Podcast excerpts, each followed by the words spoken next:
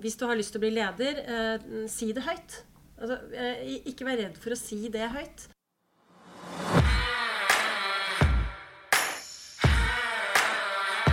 I dag skal vi snakke om jenter og business, jenter og gründerskap. Hvordan jenter investerer, hvorfor de ikke gjør det, hvorfor jenter ikke starter selskaper, og hvorfor det er så viktig at jenter kommer på banen for alvor. Til å snakke om dette her så har vi med en av de som virkelig vet mye om temaet, nemlig gründer av Ski Community, Heidi Aven. Velkommen til oss, Heidi. Tusen takk. Du, det er veldig kult at du er her, fordi du er jo et rivjern av en annen verden. Når jeg tenker på deg, Heidi, så ser jeg for meg en tornado. Men dog en veldig lekker og feminin tornado, altså. det var hyggelig, da. Var det det? Kjenner du deg igjen i beskrivelsen? Nei, det gjør jeg ikke. Tornado eller lekker? Eh, nei, eh, lekker. Men, eh, men, er det sånn at du har opplevd at eh, folk ser på deg som jeg har opplevd selv, altså som en tornado? Eh, ja, altså det er noen som kaller meg litt sånn hurtigmikser. uh, så man føler ikke selv at Nei. man jobber uh, fort, og at det er mange ting som skjer. Men jeg tror at de som er rundt meg, kanskje kjenner litt på det at det går litt fort i svingene noen ganger. Og, men noen ganger så må man jo stoppe opp, sånn at man får med seg hele gjengen rundt seg. Mm. Så ja. Jeg syns jo det er gøy å ha mange jern i ilden. Ja, Og er det nødvendig, tror du, for å være gründer? Jeg tror du må ha muligheten til å håndtere mange ting samtidig. Fordi det er jo ikke sånn at man har en stor organisasjon rundt seg. Man har ikke bygd opp eh, det samme apparatet som en, uh, i et stort selskap. Så det å ha muligheten til å eh, bygge eh, mange Eh, se på ting eh, samtidig, da. Eh, sånn som det med det å skaffe kunder, det å forstå økonomi, det å tenke markedsføring. Så du må på en måte ha litt kunnskap om alle prosesser. Ja, og spesielt i begynnelsen antageligvis, for da skal du jo gjøre mye sjøl. Ja, du må gjøre nesten alt selv. Ja. Så alt fra å starte opp et AS til å hente inn kapital, til å skaffe kunder, som sagt. Og så ja, og det tenkte jeg vi skulle prate om. fordi vi skal jo snakke om litt om hvor få gründere det er. Og da er neste spørsmål som tvinger seg frem, vet man hvordan, hvor begynner man hvis man går rundt med en drøm? Det er jo akkurat kommet ut en sånn DNB hadde en rapport nå nylig. Mm. Uh, hvor de sier at en tredjedel av uh, alle som går og planlegger, eller som har starta nå, er kvinner. Mm. Eh, og så går man jo da ned til å se hva det er skalerbar teknologi. altså Hvis du tar det bort fra enkeltmannsforetak og en del sånne ting som kvinner også starter litt enklere, da. Eh, men går ned på teknologi. Hvor mange er det da? Og da detter du jo helt ned til liksom sånn 1-2% for da må du jo ofte hente kapital. Mm. Eh, hva, hva, hva, tenker du er uh, årsaken til det? Det, det er litt sånn vanskelig å si. Det er et veldig stort spørsmål. fordi at uh, Nå sto det jo også i Finansavisen at kvinner ikke har lyst til å bli gründere. Jo, men det var faktisk basert på den samme rapporten.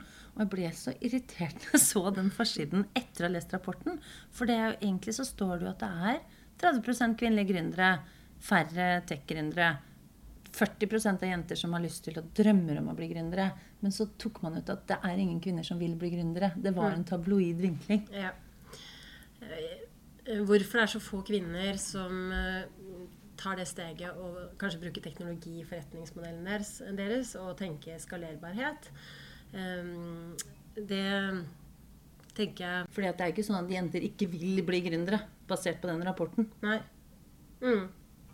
Skjønner du hva jeg mener? Ja, det var ikke eh, noe nytt som sto i den DNB-rapporten. Det sto at det var 30 ja. Én av tre jenter mm. som blir gründere.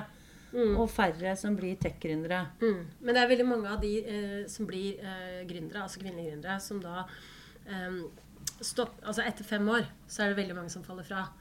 Eh, og så er det også veldig mange av de som eh, starter litt smått.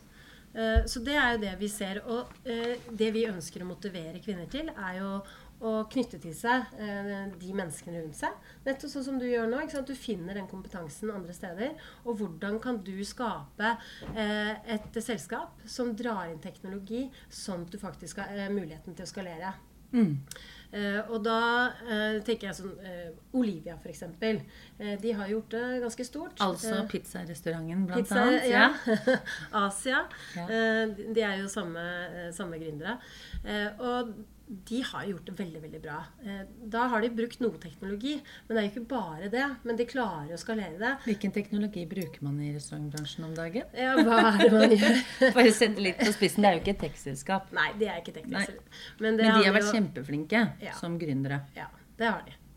Eh, Så det, eh, det man ofte forbinder med eh, skalerbare forretningsmodeller og gründere, det er jo rene teknologiselskaper. Sånn som Jeg kommer jo fra IT-bransjen, så det som man kaller SAS-løsninger, Software as a Service, det er type at da får du Du kjøper et et Jeg produkt. forklar det.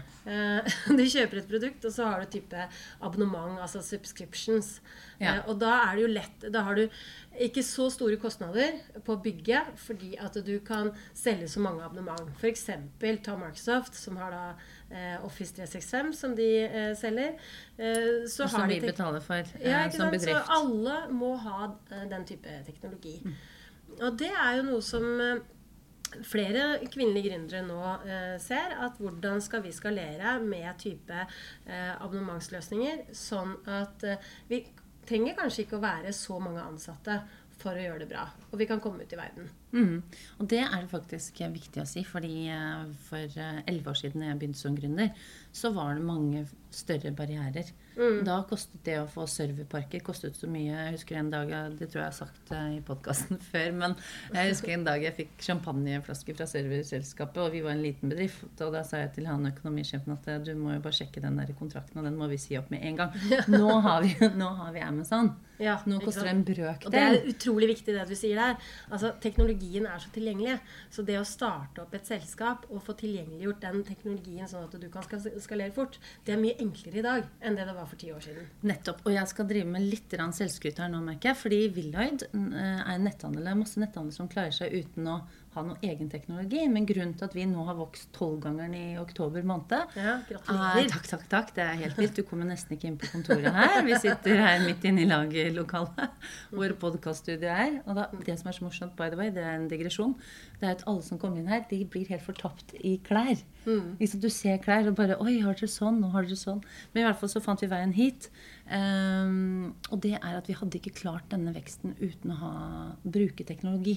Nei. Da bruker vi veldig mange ulike teknologier som fins der ute, som vi har SAS på, som egentlig betyr bare, som du sier, et abonnementsløsning hvor vi gjør uh, nettbutikken vår på Shopify, som er verdens største e-commerce-plattform, og så bruker vi kanskje ti systemer til. Ja. Og så får vi de til å snakke sammen. Nettopp. Og det gjør vi selv. Mm, mm. For det er ingen som klarer å få alle systemer til å snakke sammen. Det må vi gjøre sjøl. Ja. Så vi har et tech-team på fire stykk. Ikke sant? Og det, det handler ikke bare om at du som gründer må sitte på den kompetansen alene. Det er Jeg er jo ikke en teknolog. Nei, men Er du, du? har de gode jeg er eh, Ja, jeg er er ingeniør. Ja. Du er så, ingeniør? Uh, så jeg har jo jobbet i IT-bransjen i ja, eh, 25 år. Du, det, det visste jeg for så vidt at du var. Og det må jeg bare si at var det én ting jeg lærte meg tidlig i karrieren som konsulent i McKinsey, så var det hvis jeg skulle gjøre noe som helst i verden, så må jeg ha med en ingeniør. Ja. I hvert fall noen som har kompetanse innenfor teknologi. Jo, jo, men det, det er noe med at det løser problemer. Jeg kan ha liksom noen visjoner. Ja. Men uten å ha de som gjennomfører. Så det er jo viktig. Jarle, min partner, er jo ingeniør. Mm. Og er en fantastisk problemløser. Ja. Så det betyr ikke at jeg måtte være teknolog. Nei, du har mange gode ideer får som du har lyst til å løse. Ja. Og hvordan skal vi løse det um, med forskjellige tjenester og produkter Ja. som dere kan bare ta som standard. Som du sier Amazon. De har mye som dere kan bruke, som da ikke koster mye. Nettopp. Og det må jeg bare si til alle dere som hører på, at man må altså ikke være Det har jeg bare opplevd at det er en sånn feilforståelse ofte. Man må altså ikke være teknolog for å være tech-gründer. Nei. Eh, Man kan gå inn og ha en god idé eh, og prøve å finne en partner som enten er en programmerer. eh, Vår markedssjef, som er 25 år, han er selvlært. Han lærte seg å sette opp Google Webshop selv og lanserte det på en helg og fikk kjøpt inn varer fra Kina og testet ulike ting. Så Han gjorde dette da han var 16-17-18-19 år. Ja. Han er kjempetech-savvy. Mm. Jeg er ikke det. Og så har Jarle Så vi liksom tre sammen, så blir det bra, da. Og det, det tror jeg er viktig for å få flere jenter med. At de ikke tro at du må kunne alt.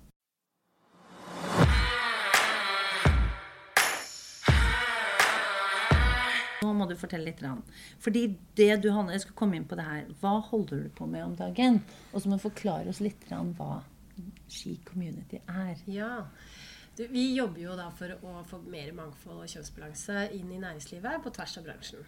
Eh, og måten vi tenker at eh, man, eh, hvordan vi skal få til det, det er å få flere kvinnelige gründere, eh, flere kvinnelige investorer eh, og flere kvinnelige ledere. Eh, og det handler jo litt om hvordan vi skal lukke kapitalgapet. Eh, fordi i forhold til World Economy Forum så Ja, Hva betyr lukke kapitalgapet? Ja, hva betyr det? Fortell, Heidi. Ja, men ikke sant, Vi, og du spesielt, er jo veldig inne i dette her. Ja. Men du skal jo få med oss alle som sitter her, som kanskje ikke tenker på dette 24-7. Nei, nei, nei, man tenker ikke på det til daglig. Nei. Men det handler jo litt om eh, det økonomiske eh, ubalansen, da. eh, og maktforholdene. Eh, kvinner eier i dag eh, 20% av aksjekapitalen på Oslo Børs. Ja. Det betyr at eh, de som eier selskapene, det er stort sett menn. Ja, 80% 80 mm. Men hvis vi da skal få til endringer, da, så handler ikke det bare om at eh, vi skal få kvinner opp i, i, i ledelsen, som har vært veldig mye fokus på. Hvordan skal vi få mer kjønnsbalanse? Fordi hvis vi ser på de største selskapene i Norge, så er kun 16 eh, kvinnelige CEO-er. Altså ledere, toppledere. Resten er menn. Men så er det jo sånn at eh, vi, jo større selskapene er mm. på børs, så er det eh, færre kvinnelige CEO-er. Men hvis du tar eh, I Norge så har vi da 200 000 aksjeselskaper. 200 000. Ja, så er det 200 selskap som er på Oslo Børs. Mm. Så hvis, eh, hvis du eh, ser på eh, eh, 200 000, så er det mange flere kvinnelige ledere. Så jo mindre selskapene, jo mindre selskapene er, jo flere kvinner har man på toppen. Men eh, for at vi da skal få eh, flere kvinner til å eie mer, så handler det om bevisstheten på det å investere. Det kan, eh, det kan være alt fra pensjon. Det er mange nå som går ut og skal jobbe, og så tenker de nei, jeg har lyst til å starte for meg selv. Hva er det da som skjer hvis du ikke sparer? Ja. Hvis du jobber i et stort selskap, så får du automatisk pensjon. Ja. Så det er jo én ting. Og så er det det hvordan kan jeg spare litt hver dag? Eh, Eller eh, hver måned? Jeg merker at jeg har tenkt veldig lite på pensjon. Ja.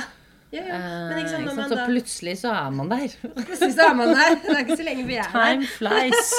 Så, men, men det er jo noe at eh, hvis man da plutselig tenker på det når man er blitt 50 år, da, og så har man ikke spart opp noe, og så når du da slutter å jobbe, så blir du plutselig minstepensjonist. Eh, Så det er jo viktig Blir jeg minstepensjonist, Heidi? det, det kan hende at du har da gjort noen gode investeringer. Det får jeg i forhold til eiendom, kanskje du har spart noe i banken. eh, Det er ikke mye noe eh, rom for, for bank her. nei, eller på, i fond. Ja. Um, Nei, det har jeg heller ikke gjort. Uh, Men, men ja, fordel. Men, men det er den bevisstheten på hvordan man skal tenke på investeringer Ja. i forhold til hvor mye penger man har. Ja. Eh, for det er jo mye man altså, Tenk deg for, hvilket forbruk vi har. Ja, det er jo fantastisk stort. Ja. Spesielt for, for Du håper jo at det sikkert veldig mange kommer til å bruke mye penger på, på klær. Men Det, gjør jeg. Eh, Det gjør jeg. Det skal jeg ærlig innrømme at eh, det uh, gjør jeg samtidig som. Og nå, siden du tok det opp, så må jeg fortelle at vi skal jo etter hvert finne smartere måter å sørge for at du også kan bruke ting igjen. Mm. Sånn at vi kommer inn i den sirkulære økonomien. Eh, og det jobber vi Lloyd hardt med om dagen. Eh, vi har ikke lansert ennå, men det skal jeg fortelle deg om eh, når vi er klare. For de skal både investere i klær, men jeg er også opptatt av at folk, eh, og spesielt damer, er med å investere i selskaper. Ja, og det, Heidi, er faktisk en historie som beskriver deg ganske godt. Fordi at eh, når vi hadde startet denne nettbutikken her for halvannet år siden, og vi skulle hente kapital for bare ja, det er bare ti måneder siden Det var en kald februardag, litt sånn som det snødde litt ute, sånn som det gjør nå. Um, og så tenkte jeg, er, hvordan skal jeg klare å hente de pengene når jeg driver og selger jenteklær til jenter eh, i et marked som egentlig bare jenter forstår? Eh, og så skal jeg gå ut til eh, karer 40-50-60 pluss og prøve å forklare. Det føles urettferdig. Og så googlet jeg hvor mange jenter som investerte i startups, og så var det da mindre enn 1% Så tenkte jeg ganske risky. Men hvem er det som vet mer om dette her, og hvem er det som kan hjelpe meg da? Og da var jeg på vei fra huset mitt og ned til Skøyen stasjon, og så ringer jeg deg. Og det flere ting som er kult med det. For det første har du alltid telefonen på tredje, andre ring, egentlig. da er det, er det ikke før andre. ikke sant? Det er jo antageligvis første. Jeg tror. Og så er du superpositiv, og så sier jeg du Heidi, jeg lurer på hvordan skal jeg hente penger. Jeg trenger jenter som investerer mer enn jeg har lyst til å liksom gjøre en greie. Ja, det er ikke noe problem. Og I løpet av 20 minutter da, så hadde du beskrevet hele prosessen for meg med folkefinansiering. Du hadde fortalt meg hvilke caser som hadde gått bra, hvem som hadde klart å gjort det, hvem som kunne hjelpe meg, og du hadde tekstet telefonnummeret til meg på flere av de jeg burde snakke med før vi hadde lagt på telefon. det husker jeg faktisk ikke, men det var jo det var bra du fikk en positiv opplevelse. Ja, men det, det, sånn er det alltid. Og du er utrolig flink til å hjelpe andre. Ja. Hvor viktig har det vært for, eh, for din suksess, egentlig? Eh, det, det, ja, det er sånn vanskelig å si. eh, Men eh, jeg, jeg jobber jo for jeg, jeg blir jo ekstremt engasjert da, på andres vegne. Eh, Og det, det, det driver meg. Eh, Og det er jo litt av årsaken til også at jeg hadde startet Ski. Ja, det var fortell. fordi at jeg hadde lyst til å løfte. Jeg synes, bare gjør det. Hvis du har en idé, og du tror på den, ta den risikoen. Ja, hva var tanken din bak ski? Hvorfor hadde du lyst til å starte akkurat det? Det var litt på uh, min bakgrunn. Uh, både som leder, jobbet i IT-bransjen i mange år, og så startet jeg et IT-selskap. Uh, Som drev med hva da? Det var et, dels et selskap som leverte tjenester fra Microsoft og fra Telenor, okay. og så konsulent. Så lagde vi egne produkter på det. Men var det noe du så der som gjorde at du fikk lyst til å starte Ski Community? Ja, det som, eh, etter at jeg eh, solgte meg ut av det selskapet, så så, så jeg at det, min erfaring at det var veldig få kvinnelige gründere. Eh, det var få kvinner som vi kunne hente kapital hos. Jeg måtte jo da hente kapital hos menn. Eh, For du var jo ute og henta kapital til den konsulentselskapet. Ja. Mm.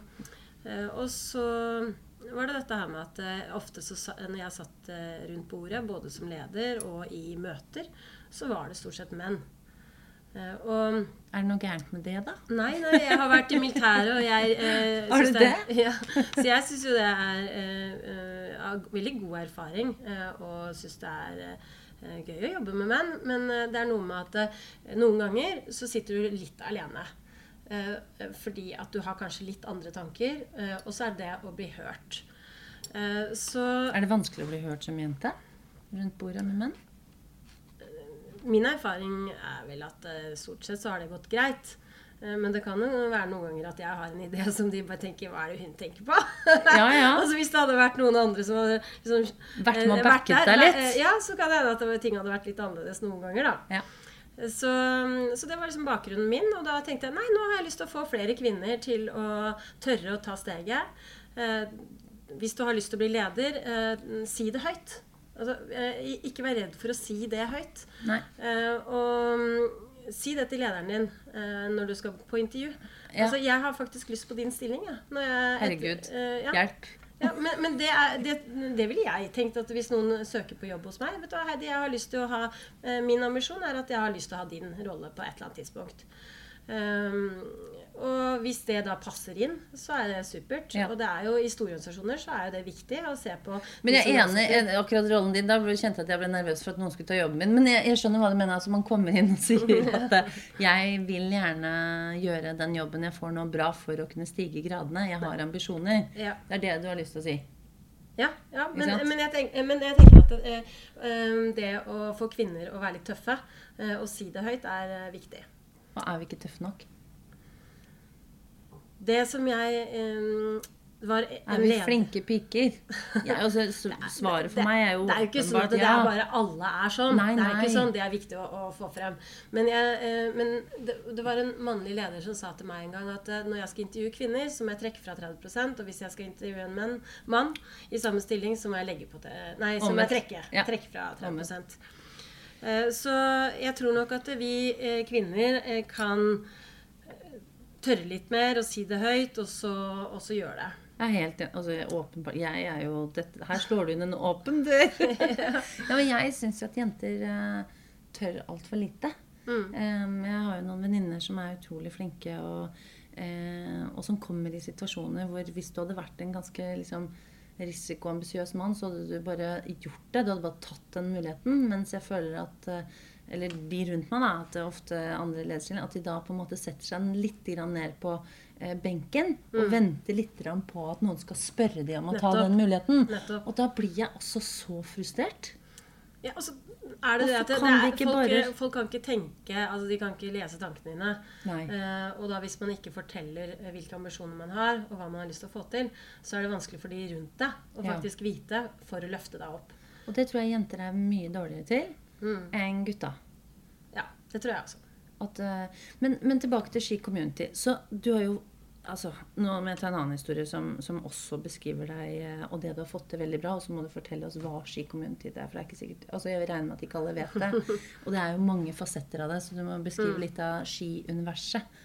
Elsker det navnet Ski, forresten. Det, men um, nei, altså før jeg startet dette her, så inviterte hun meg til å holde et foredrag. Ja. Eh, og det var jo kjempehyggelig. Og det var 8. mars, eh, ikke i år, men i fjor, så 2018. Eh, og eh, på morgenen der så holdt jeg et annet foredrag, og da fant jeg han som nå er partneren min. Han, han og jeg holdt et foredrag. Så det endte med at jeg prøvde å rekruttere han, som gjorde at jeg kom litt for sent på skikonferansen, som da var i eh, Folketeatret. Ja, eh, på på Kulturhuset dager, eller litt tidligere. Mm. Og så tror jeg jeg hadde ikke vært der før, så jeg hadde undervurdert det helt åpenbart. For når jeg kom dit og trodde at jeg skulle bare gå inn en dør, og så skulle jeg snakke til 25 mann, så var det jo et helt enormt sirkus av steder man skulle både presentere Jeg møtte Erna Solberg i, i døra med deg, og det var liksom fantastisk setup. Ja. Eh, og jeg ble slett Jeg har jo sceneskrekk i tillegg. Godt skjult, men jeg har det dog. Det Jeg visste kom- jeg ikke. Det skulle man ikke tro. Nei. Jeg kom jo da løpende inn på en scene og, og mista litt pusten. Eh, Men så fant jeg den igjen, da. Det er jo første minuttet som alltid er verst. Men det har du fått til. Kan ikke du beskrive litt? Da? Ja, vi startet jo for fem år siden, eh, og det var da jeg sluttet i Smartworks. Eh, Og da tenkte jeg, vet du hva, nå eh, leier jeg latter. Eh, og så på 8. mars eh, Jeg har aldri gått i tog, så jeg tenkte at jeg hadde lyst til å, å fokusere på dette her med business og kvinner og eh, ta steget. Og så i år så var vi da på Spektrum med 2600 deltakere. Eh, og når du var med, eh, så var vi da på Folketeatret. Mm, og Så da var det mindre. det var litt mindre, så da var det 1400 deltakere. Så i, i år så doblet vi Det nesten. er jo helt fantastisk. Eh, Så det er utrolig gøy. Og det er både jenter og gutter. Det er både jenter og gutter. Og tanken er jo at vi klarer ikke å endre på dette her uten at vi jobber sammen. Nei. Eh, sånn at eh, det som vi jobber mye Vi hadde jo da 150 investorer. Eh, 250 eh, gründere. Eh, og så var det eh, 100 selskaper representert på tvers av bransjen. Eh, og Og målsetningen da er å få likestilling på agendaen, eller diversity, eller hva du kaller det. ja, vi, vi Hva kaller du det? Eh, vi, eh, vi, vi, alt går jo på engelsk. Ja. Og det er litt av fokuset vårt er at dette her er også fokus på mangfold. Ja. Um, Er det diversity? det er diversity. Ja. Jeg bare merker at det med en gang jeg kan si liksom, i sosiale sammenhenger like, Hvis likestilling kommer opp, Mm. så føler jeg at jeg med en gang har tatt meg sånn lilla skjerf. Ja. Og er sånn radikal rødstrømpe som liksom Ja. står på barrikaden, og som blir litt sånn uh, uinteressant, nesten. Ja, og det, Eh, og så det, jeg er- liker ikke det ordet lenger, for det, har, gått litt sånn, det har blitt litt sånn feil innhold. det, det er Ja. eh, det, det er men på engelsk så handler det om sånn som Vi hadde 'Equality Matters'. Ja. Eh, og it's not uh, equality. Eh, og 'it's not only fair, it's profitable'. Så det, yeah. dette her med at det er lønnsomt yeah. eh, Det er ikke bare det at det er rettferdig, men det er faktisk lønnsomt å ha mangfold inn i selskapene sine. Har du noen eksempler studier på det? Jeg har lest noen av de. Ja, McKinsey sånn. Har gjort eh, Det er jo mange studier på det. Hva Eh, sier de studiene? De sier at eh, de selskapene som har eh, økt altså Hvis du har kritisk masse på 30% kvinner i ledelsen, eh, så blir det mer inkluderende kultur. Og det har mer lønnsomhet. Og så er det da viktig å ha en balanse, fordi at kvinner er kanskje litt mindre risikovillig. Ikke bare kanskje, det er sånn helt at, sikkert. men, men du får da, hvis du både får den lønnsomhetsaspektet med risiko, så får du vekst. Sånn at eh, eh, det er jo viktig å ha en god eh, sammenblanding, da. Nettopp. Er det noen gode, hvilke selskaper er veldig gode på det i Norge? Eh, hvilke selskaper som er gode på mangfold. Ja. Da kan, vi, da kan vi gå på skiindeksen, da. Det er jo et annet eh, produkt Ja, som fortell om det. eh, som, Dette var en eh, veldig god inngang til akkurat det som du også har startet. Ja. Som en del av ski. Mm. Hva er skiindeksen? Det er en indeks som ser på kjønnsbalansen i selskapene. Men samtidig så går vi også og ser på hva er det de faktisk gjør. Sånn at eh, 80% av det vi vekter, det går på faktiske tall. På toppleder- og ledernivåene nedover i selskapet. Um, og så gir vi dem da en score basert på kjønnsbalansen.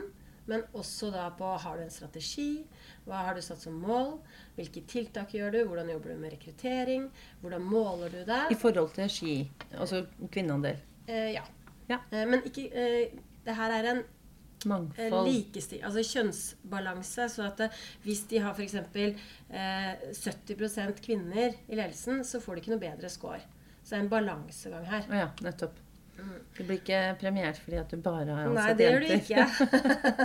Nei, så poenget ditt er vel egentlig bare mer å opprette en balanse, mer enn at uh, the women will rule the world, som Beyoncé Ja. sier. Ja, det skal være likhet, og det skal være uh, like rettigheter. Da. Uh, og det går jo også da eh, på et annet fokusområde inn i den indeksen. Det går på mm, eh, Jeg bare tenkte mens du tenkte på det, hvilke selskaper er gode på dette i Norge?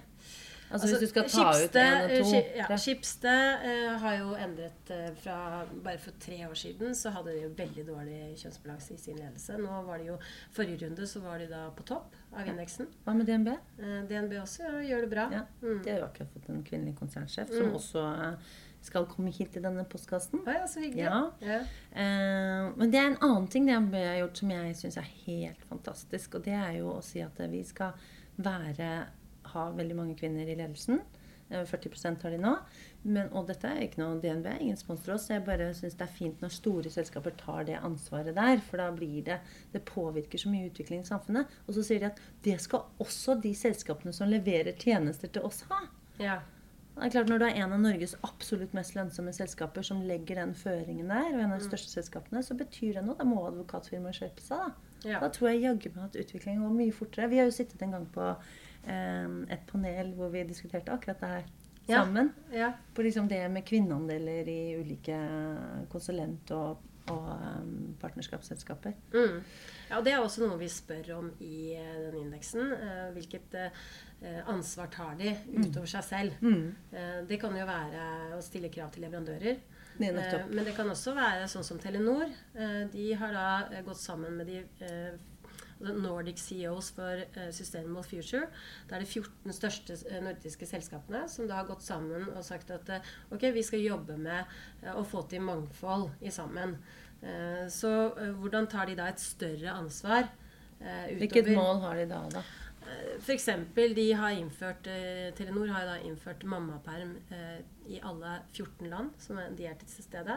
Det har en vanvittig påvirkning, sånn som i Pakistan. Mm. Eh, så Jeg tror ikke det er hverdagskost i verken Pakistan eller veldig mange av Telenor. Jeg har jo jobbet Nei. i Telenor og eh, vært mye i Thailand og, og Malaysia for Telenor. Og det er klart at det, det er ikke Der er det ikke likestilling. Nei. Langt fra mammapermisjon. mm. Men da kan vi eh, som Altså store internasjonale selskaper, da, da kan de eh, ta et større ansvar og bidra til å lukke eh, kjønnsgapet og kapitalgapet da, i verden. Og nå jobber du med skiinvest... Invest, ja, hjelp meg. Skiinvestering. Ski-invest. Sorry. Ja. um, som, som nå snart uh, skjer. Hva er målsetningen med det? Det er naturlig nok å få flere jenter til å, å investere. Eh, Er det Det, det er bevisstheten. Altså, eh, du sa at du vil få flere, nei, flere kvinner til å investere i gründere, Ja. eksempel. Vi har, så, vi har nå faktisk eh, 100, nesten 100 kvinnelige investorer i Willoid. Ja, Og det syns jeg er så kult. det er veldig gøy. Får, altså, I går hadde vi et patentspørsmål. Da ringte jeg hun ene som var eh, Kristine, som er eh, patentadvokat. Kristine Mm. Snyder. Hun investerte i oss eh, gjennom den folkefinansieringen du hjalp meg å få til. Jeg Mm. ringte henne kan du hjelpe meg, hun hjalp meg masse. Sette tilbake, slapp å, å ha noen advokat. Hun er investor i selskapet og, tenkte dette er liksom bra. Mm. Eh, og så fikk jeg en mail fra en annen eh, i går. Kan ikke du være mer, mer synlig? For det kan jeg jo for så vidt ikke. For da syns jeg at vi er synlige nok. Men, men hun hadde bare så utrolig mange innspill på hvordan man skal bygge merkevare. Da, så, Ja. merkevare.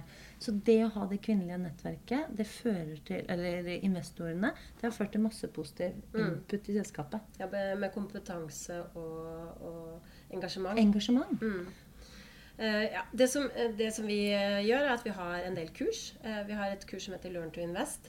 Uh, og da er det å forstå hvordan er det man investerer i tidlig fase. Kan alle være med på det? Ja, eh, det er bare å søke. Vi har hatt utrolig stort eh, altså søknadsmasse inn på det. Så vi, men vi kjører det to ganger i året. Ja, så det er begrensede plasser. Men da Ja. kan du gå inn på skicommunity.no. Ja. .com, Mm. Begge deler. Bra. Gjør det, dere. Det var ikke, ikke Det er ikke betalt reklame. Dette er bare sånn det er. Ja. Men det jeg ville si, det var at uh, det som er viktig for oss, det er at uh, det å forstå risikobildet på investering. For det er klart at å investere i tidlig fase, det er ganske høy risiko. Veldig høy risiko. Ja. Men hvis, det er også høy reward hvis det går bra. Hvis det går bra. Eh, og hvis du da eh, eh, men, men det er mange måter å investere i, i tidlig fase på. Ja. Du kan eh, kanskje involvere deg med din kompetanse, sånn at du kan sitte i styret. Eh, men det er også det der med å forstå hvis du har så så mye eh, kapital, er jeg villig da til å miste den kapitalen hvis ikke det selskapet går bra da. Mm. Eh, men men samtidig så er vi også ABG f.eks. og lærer hvordan man skal investere kanskje på andre områder. Men bare før du går på ABG, det med å investere i startups Når vi gikk ut i folkefinansieringa og sa jenter kom og investere hos oss, så sa vi at invester det dere kan tape. For dette må komme istedenfor forbruk. Nettopp. Eh, det er, I tidlig fase så er det veldig mange som eh, går ned. Og det verste som kunne skjedd folkefinansieringen, var jo at eh, veldig mange ble med på noe, og så gikk det konkurs, og så tapte alle. Det hadde vært ikke sant, Man får jo helt nerver av det. Samtidig så må man jo se at når man har en sjanse for en stor oppside det er, ikke, det er jo ikke som en vanlig investering hvor man kan få en avkastning på 1-10% i året. Dette her. Dette, enten så får man det til, så får man det ikke til. Og får man det til, så snakker man jo liksom tigangeren, femgangeren, tigangeren. Så det blir en helt annen type. Og det tror jeg er viktig å forstå. Ja, det er høy risiko, men det er også høy belønning hvis det går bra. Ja, og så må man være klar over at man får kanskje ikke igjen de pengene før om 10-15 år. Det er også, og det er Men- også men det riktig. som Men så man gå viktig- inn med mindre beløp, da. Ja. Men det som er gøy med å investere i startups, er at du kan få være med på en veldig spennende reise. Ja. Eh, Så man kan jo også se på det som en utdanning. Eh, Ja. Sånn at man kan faktisk eh, følge med på utviklingen til selskapet. Eh, Sånn at eh, det er mye gøy med å investere i startups. Og det jeg også sa, var å ta det forbruket. Du snakket om at du vil jo at folk skal kjøpe mer. Ja, men eh, når, når veldig mange kjøper vesker til 20 000, hvorfor kan du ikke kjøpe en veske til litt mindre og heller investere halve beløpet? da, Eller investere, bruk litt mindre på shopping og investere litt mer, da. Ja. Bruk litt mindre på et eller annet. det, og det er den bevisstheten som vi ønsker å, å formidle eh, til eh, de som går på kurs. Mm. Og så er det litt senere investeringer, som du var inne på ABG, og hvordan man går videre. Liksom, hvis du tar bort startup, Ja. hvordan kan man da investere? Mm. Hva anbefaler du oss Nei, Jeg vil ikke anbefale jenter? noe eh, i forhold til eh, hva man burde investere i. Men det, det jeg vil anbefale, det er jo det å sette seg inn i eh, hvilke muligheter man har. Eh, og det å forstå. Eh, sånn at Sånn som f.eks. når vi da forteller om tidlig fase hos Arkwright. Så Som er et uh, konsulentselskap, men som også da uh, investerer i startups. Men da er det noe som heter hvordan du skal kjøre due diligence. Altså hvordan skal du vurdere selskapet? Hva er det, hvilke parametere er det du skal se på? due diligence. Som advokat så var jeg dessverre nødt til, i hvert fall som advokatfullmektig, til å sitte og jobbe med det man kaller DD-er. Mm. Da går man gjennom selskapets alle kontrakter, absolutt alt, for å sjekke at alt er som selskapets ledelse sier. Det er Ja. bare for at alle skal skjønne hva DD er. Due Og så er det å se på teamet, hvilket markedspotensial, eh, hvordan er eh, inntektspotensialet. Um, så det er, men det lærer man i det kurset. For det er ikke sånn som man bare lærer av seg selv. Vet du hva jeg syns er viktigst i startups? Hva syns du er viktigst i startups? Det er teamet. Ja, Mm. det er det, altså. Mm. Du må vite at de som gjør dette her, er villige til å ikke gi seg ved første sving. For det Mm. er mange svinger, og i hvert fall mye oppoverbakker. Ja. Jeg tror team er liksom number one. Det er det alle sier. Teamet, forretningsideen og ideen i seg selv er ikke det viktigste. Eh, For hvis du har et bra team, så kan man alltids justere eh, på ideen.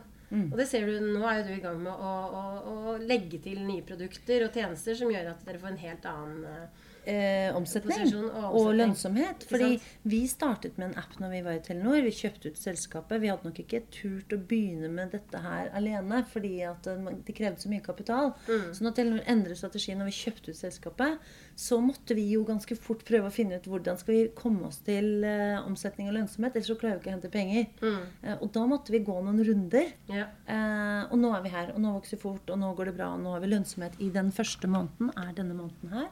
Og det er en helt annen verden. Det er akkurat som å gå fra, som gründer da, så er det å gå fra svart-hvitt-TV til farge-TV. Alt er så stas. Men det er, det er noe annet. Men, men det, det ha- handler om evnen til å navigere. Ja. Og det må du gjøre som team. Mm. At ikke det bare Søren, dette gikk ikke. For du kommer aldri til å skjønne alt når du skal starte. Sånn er det jo med deg med Ski-community. Og det var jo bare Det begynte jo så lite. Og nå er det så 2600 mennesker. Hvor mange tar du inn i Spektrum i 2020, da? Vi har jo vi må jo, Målet er alltid å vokse. Eh, Men eh, det er også å vokse på kvalitet og eh, ikke minst det å skape business og connections på selve konferansen. Men at vi kommer opp mot 3000 hadde vært uh, gøy.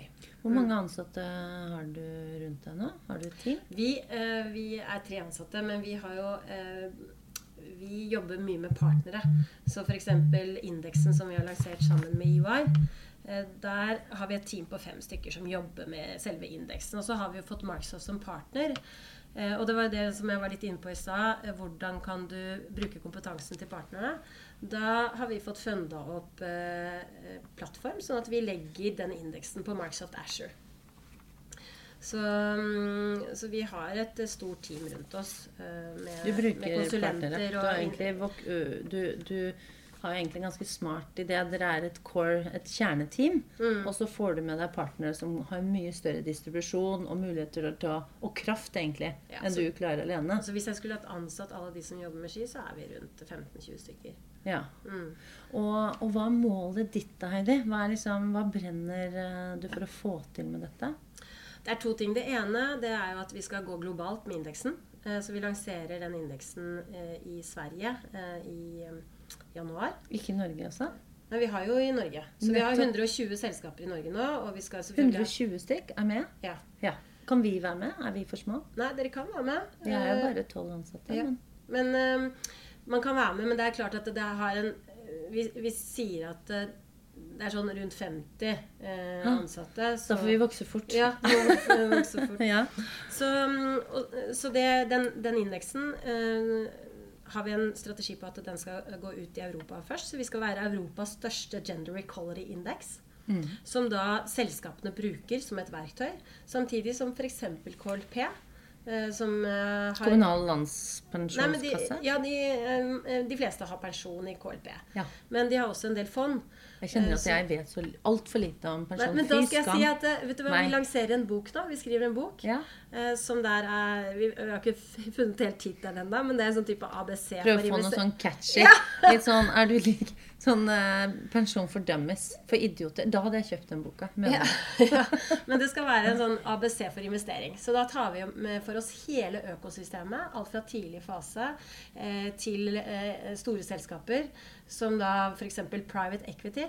Mm. Eh, de investerer jo da i veldig store selskaper. Hvordan er det det? Eh, hvordan fungerer det? Hvordan er det? Ja, og det tror jeg er litt sånn For når man sier private equity For det, det som skjer, bare også til eh, For å, for å være litt en lærekanal her altså, Ja. Først, når man starter et selskap, så går man og henter penger av det man kaller family and friends. Ja. Og man, man har noen som stoler på at du har en god idé, og man kan hente noen kan låne noen hundretusener, eller man kan få til det av venner og familie som tror på ideen din. Mm. Så bruker du de pengene til å få en eller annen form for traction, en eller annen form for resultater. Mm. Og så kan du gå ut litt større, det man kaller sånn uh, forretningsengler, business angels, uh, folk som har litt penger, og som investerer litt mer aktivt i startups. Det har jeg gjort ofte. Ja. Uh, og banket på dører. Mm. Uh, og når man da har mer traction enn det, mer resultater enn det, så går man til det som heter venture-selskaper. Som vi har en del av i Norge, som det er masse av i utlandet, som er fantastisk uh, mange av i Silicon Valley. Verdens største land for uh, altså USA. Og da er selskapet i vekstfase. Og da er det i vekstfase hvor du trenger penger. Du er altså ikke lønnsom, og du skal ikke være lønnsom. Du skal, tjene, du skal vokse. Og når du har blitt lønnsom, og når du kommer til et eller annet tidspunkt hvor du ikke trenger venturekapital for å vokse fordi at du har vokst mye, og du skal egentlig bare eh, vokse mer på egen kjøl, da kommer private equity inn. Det er, liksom, er det ikke i den fasebeskrivelsen? Det er- ja, Der, det er der føler jeg at det er veldig Mm. mange som eh, ikke helt uh, vet det. Og, men, det, uh, men det ønsker vi da å gjøre noe med. Mm. Sånn at da har vi skrevet en bok som da hvem som helst skal kunne lese og skal kunne forstå. Når kommer den? Den gleder jeg meg til. Ja, eh, vi håper at vi klarer å få den ut eh, lansert eh, på, i forbindelse med konferansen. da. Så- Ja, 8. mars. 8. mars. Nei, 5. mars. Det er 50. Ja, men 5. rundt 8. mars, egentlig. For det er en sånn fin tid å, å fokusere på sånn. Ja.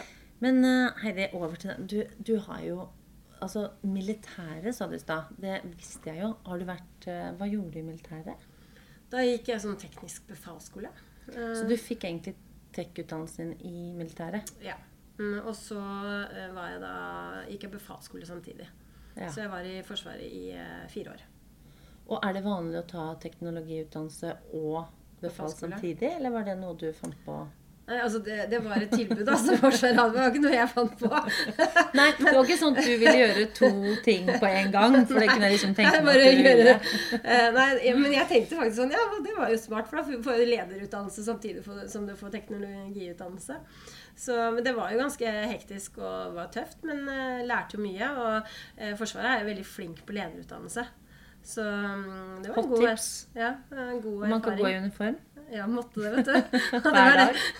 ja, hver dag. Hvor var du hen? Jørstadmoen i Lillehammer. Så jeg var der under OL. Så var jeg også Det var jo så strategisk smart, da. ja. I 94. Da var du liksom Du hadde front seats på alle. Ja, ja. Men, men eh, det er jo ganske altså Nå kom jeg på en historie forresten som jeg bare tar. I arbeidsuken i 9. Mm. Så jeg hadde så lyst til å bli jagerflyver. ja. Og så prøvde jeg. Jo, det var ingen kvinnelige jagerflyvere da. Eh, og så gikk jeg til rektor på skolen og så sa jeg kan ikke jeg få lov til å være med eh, Kan ikke jeg få lov til å dra på arbeidsuken min ut til eh, Rygge flystasjon? Jeg husker han så på meg som om jeg var et sånn galt barn. der, der var det jo 1000 mann. Mm. Det var jo ingen damer på den tiden med. Det var tre damer, og de var kokkene. Og så sa han det kan ikke jeg svare deg på, det kan stasjonssjefen på Rygge flyplass svare deg på. Så fikk jeg pappa, stakkars arme pappa, han måtte deale med dette her, kjøre meg ut til Rygge flyplass, Ja. sånn at jeg kunne gå og snakke med stasjonssjefen. Jeg var da 15 år gammel. Gikk inn til han. Og så la jeg fram dette. Jeg vil være her, og jeg vil liksom Og han sa det er jo ikke vanlig for oss å ha jenter her. Så sa jeg men jeg vil bare være en uke. Jeg har lyst til å liksom forstå dette med jagerfly, og ikke minst militæret.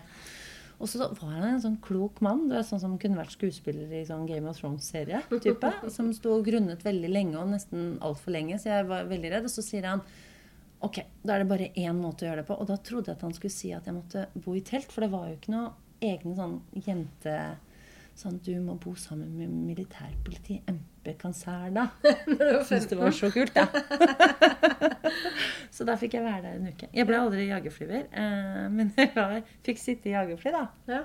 Men det var en helt spesiell verden. ja. Og det, du var ganske uredd for å steppe inn i den mannsdominerte verden også når du eh, gjorde det, eller opplevde du det ikke sånn?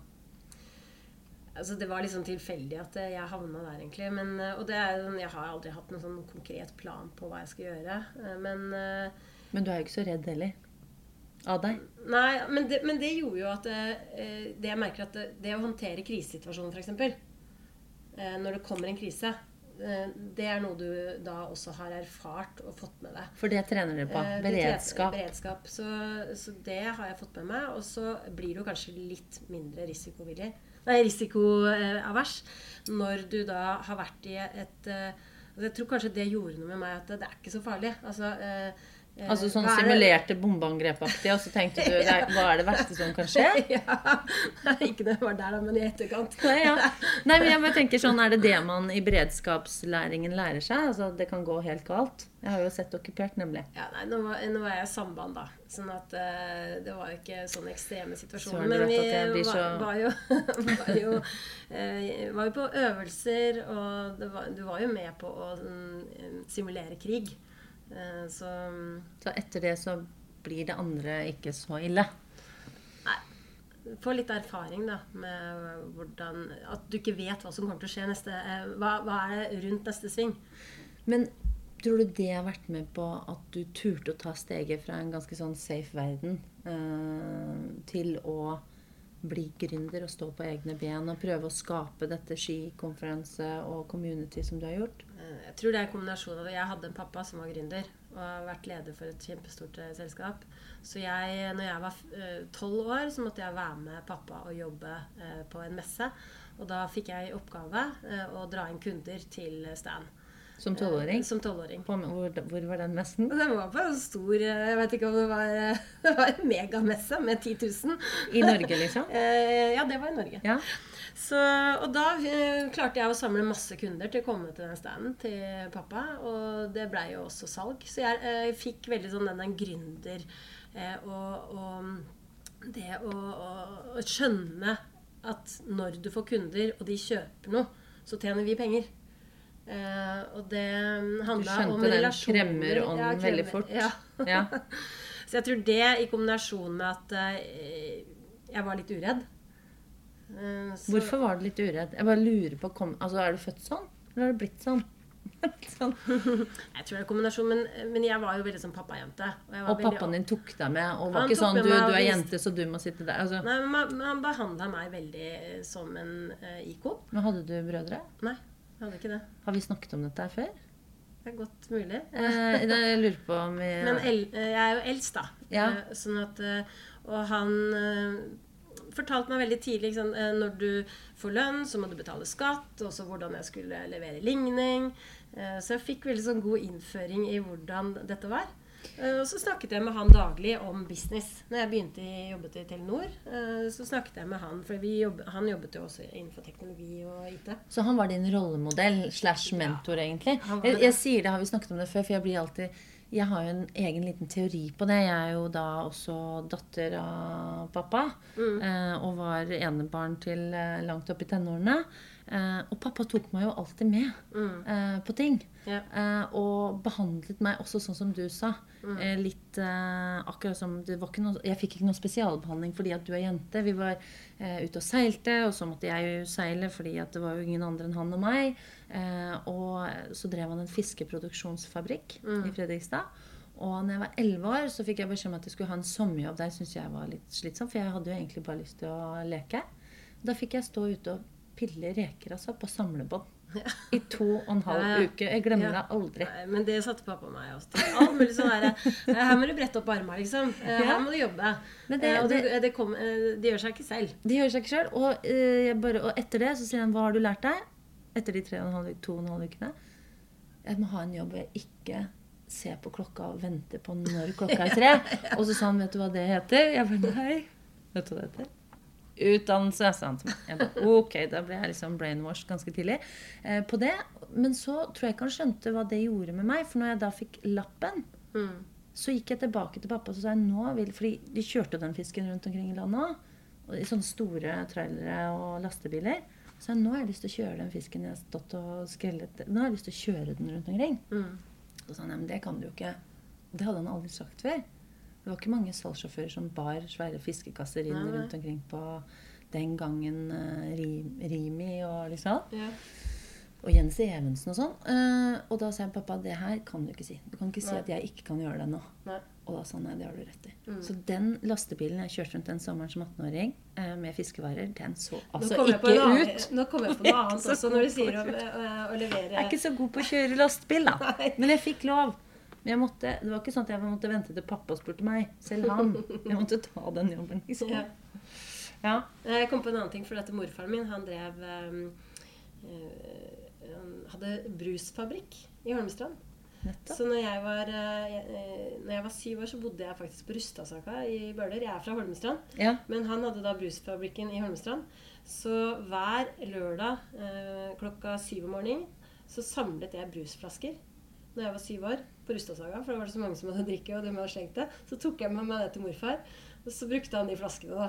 Fikk du betalt, eller? Eh, nei, altså det fikk eh, muligheten til å få mye, jeg fikk mye brus, Godteri. da. fikk mye brus.